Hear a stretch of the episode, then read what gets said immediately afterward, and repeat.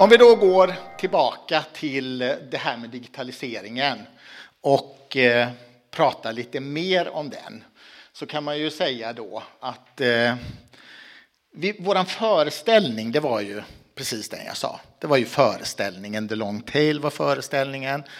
Det som däremot händer så fort vi kommer in i det här systemet, det är ju att eh, egentligen tre saker.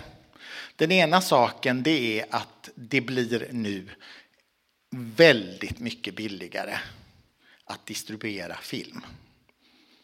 Eh, det kostar ju inte längre. Du ska inte ha några 35 mm kopior.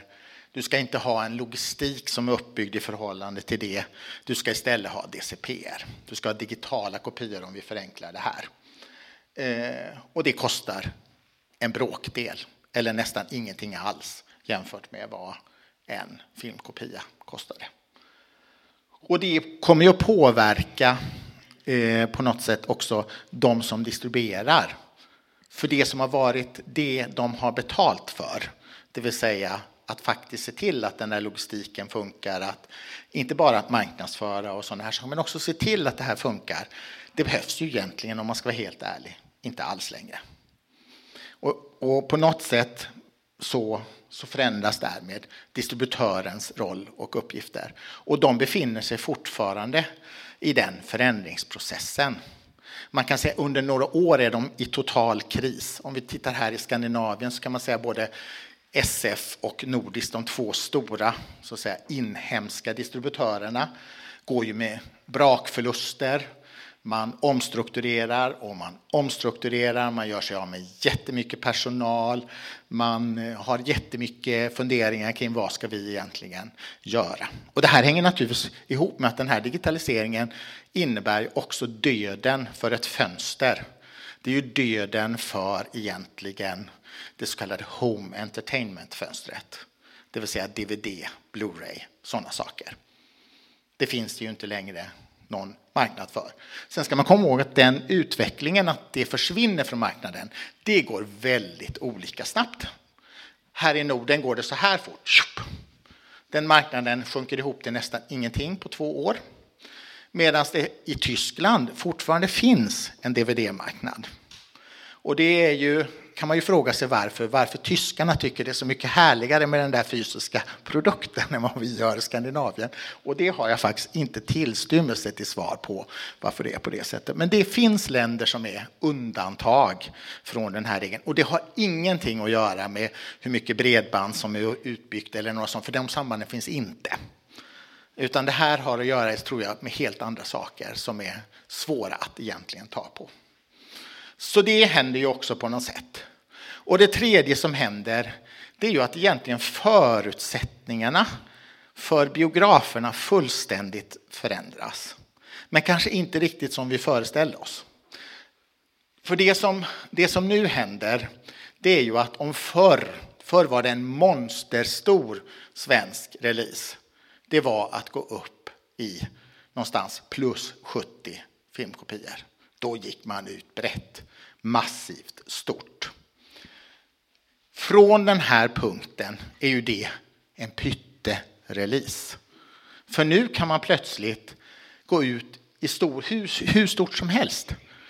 Och om vi tittar på de sista så tänkta amerikanska blockbusters som har gått upp i Sverige och även svenska filmer så har de gått upp i plus 300. Plus 300 digitala kopior har de gått upp i. Och eh, små kanske man ska tänka då filmer. Även en artalsfilm, ta X och Y, 74 digitala kopior. Så det innebär ju att villkoren för biografledet ser helt annorlunda ut. För varje helg så släpps det fler digitala kopior än det finns kommersiella dukar. Betydligt fler. Och vissa helger är det extremt mycket fler än det egentligen finns kommersiella dukar. Och vad ska då biografen göra? Hur ska man hantera det här? Och typ, man skulle ju kunna hoppas att det då födde större fantasi, större förmåga till flexibilitet, större alla möjliga saker för att på något sätt bara hantera det här och få bästa möjliga utkomst av alla de här digitala. Men så går det inte till. Utan man kan säga att eh, det går till på det sättet att man, man har en tänkt nedspelningskurva och den börjar samma dag som filmen har premiär. Den ska förlora en viss mängd kapacitet längs med vägen. Och det där sköts förvisso lite grann av en människohand, men det är AI som styr. Det här är ju egentligen system som sköter det här. Och de systemen är inte så skickliga. Det kan man väldigt tydligt se om man går in och tittar på hur man hanterar filmer. Och då menar jag att man kan till och med gå in och titta på hur man hanterar en film här i Göteborg eller hanterar en film i Stockholm. Och så tittar man på den specifika filmtiteln. Och så tittar man på den riktigt kommersiella kedjan, alltså det som är Filmstaden, gamla SF-bio, slash Svenska bio.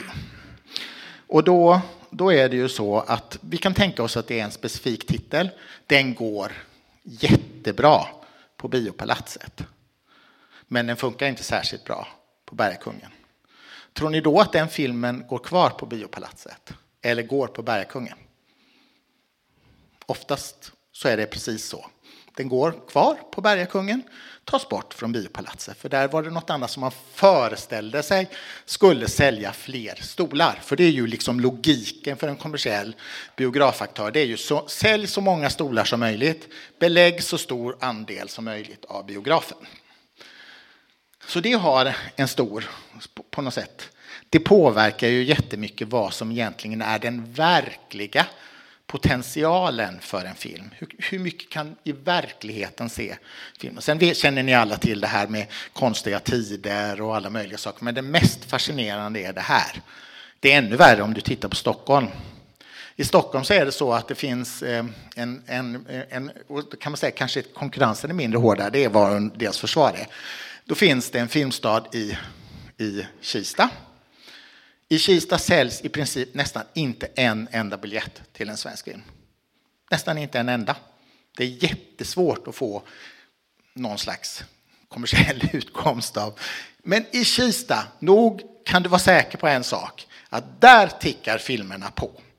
Och det, jag förstår, alltså det är helt outgrundligt. Vilket, och det är för att de, det är inte en aspekt. Aspekten för dem är mycket mer, alla föreställningar heter ju saker.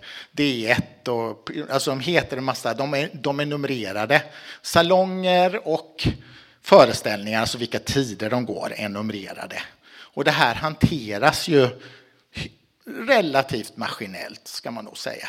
Och då bara, maskinen tyckte Kista lät käckt. Eller det var väl mycket, nej, så tänker ni inte, utan du har ju laddat in någonting i ena änden som är en förväntan också. Att det här, det är ett monster. Men man tar inte riktigt hänsyn till vad är det för publikprofiler, till exempel på olika biografer. Det gör man inte. Och det enda som egentligen kan bryta den där obenhörliga nedspelningskurvan som alla filmer befinner sig i, de här, det är om publiken Eh, mm, plötsligt börja höra av sig. Och det är väl det som gjorde till exempel att Bohemian Rhapsody blev en så stor film. För den höll man på att spela ner. Den skulle ner till nästan noll. Men så började, för det, man hade ju en föreställning att det var unga människor som skulle se det, men det visade ju sig vara lite tvärtom, att det var ganska ålderstigna människor, sådana i min ålder, och så, som gick och såg, som har en relation till Queen, som skulle gå och se den där filmen. Och de hade ju inte kommit iväg när den redan höll på att försvinna bort ur systemet.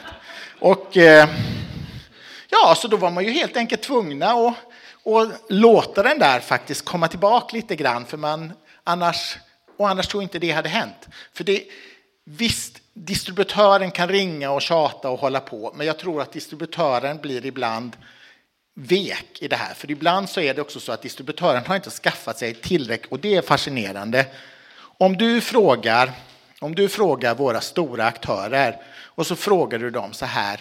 Okej, okay, nu ska den filmen gå upp. Eh, hur ser konkurrensen ut? Då kommer de bara att reflektera hur konkurrensen ser ut mellan svensk film. Det är precis som svensk film i så fall lever i ett slags isolat som inte påverkas av andra typer av filmer med samma typer av målgrupper och sådana här saker. Det är, så, det, är det man vet. Man vet hur det ser ut runt, men man har inte tagit reda på hur, vad är det för andra typer av likadana eller filmer med samma målgrupp som finns på repertoaren när den här filmen ska gå. Och då blir det också svårt att argumentera med biografägaren. Du måste ju ha samma överblick egentligen och det är inte svårt.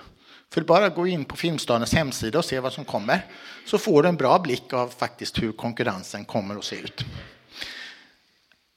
Men det är, det är kanske någonting man så småningom kommer att lära sig. Jag tror kanske man håller på att lära sig det.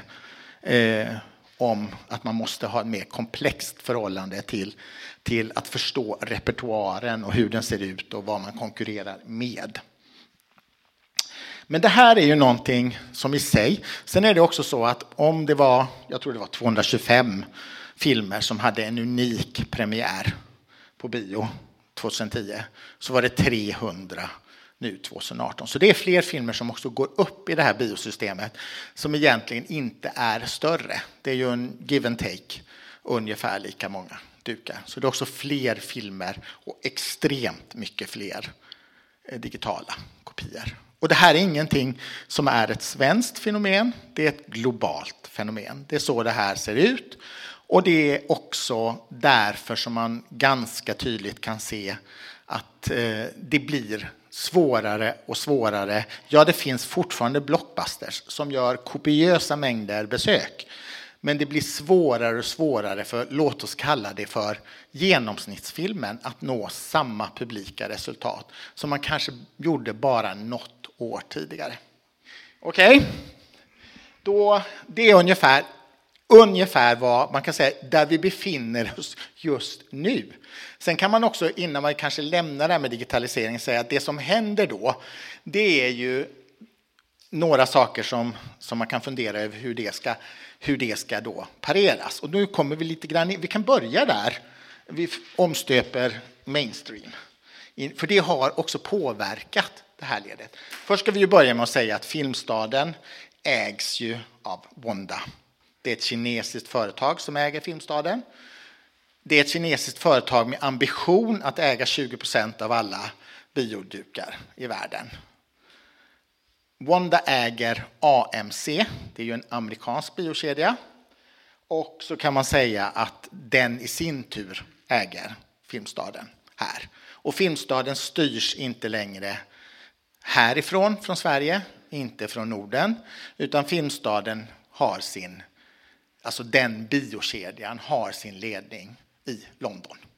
Där sitter det som egentligen styr hela det här territoriet där Sverige är en del, en del. För det här är ju ett företag som också äger eh, massor med, med mm, både biografkedjor och i både Baltikum och i Finland till exempel. Med spridda skurar om man tittar på till exempel Norge.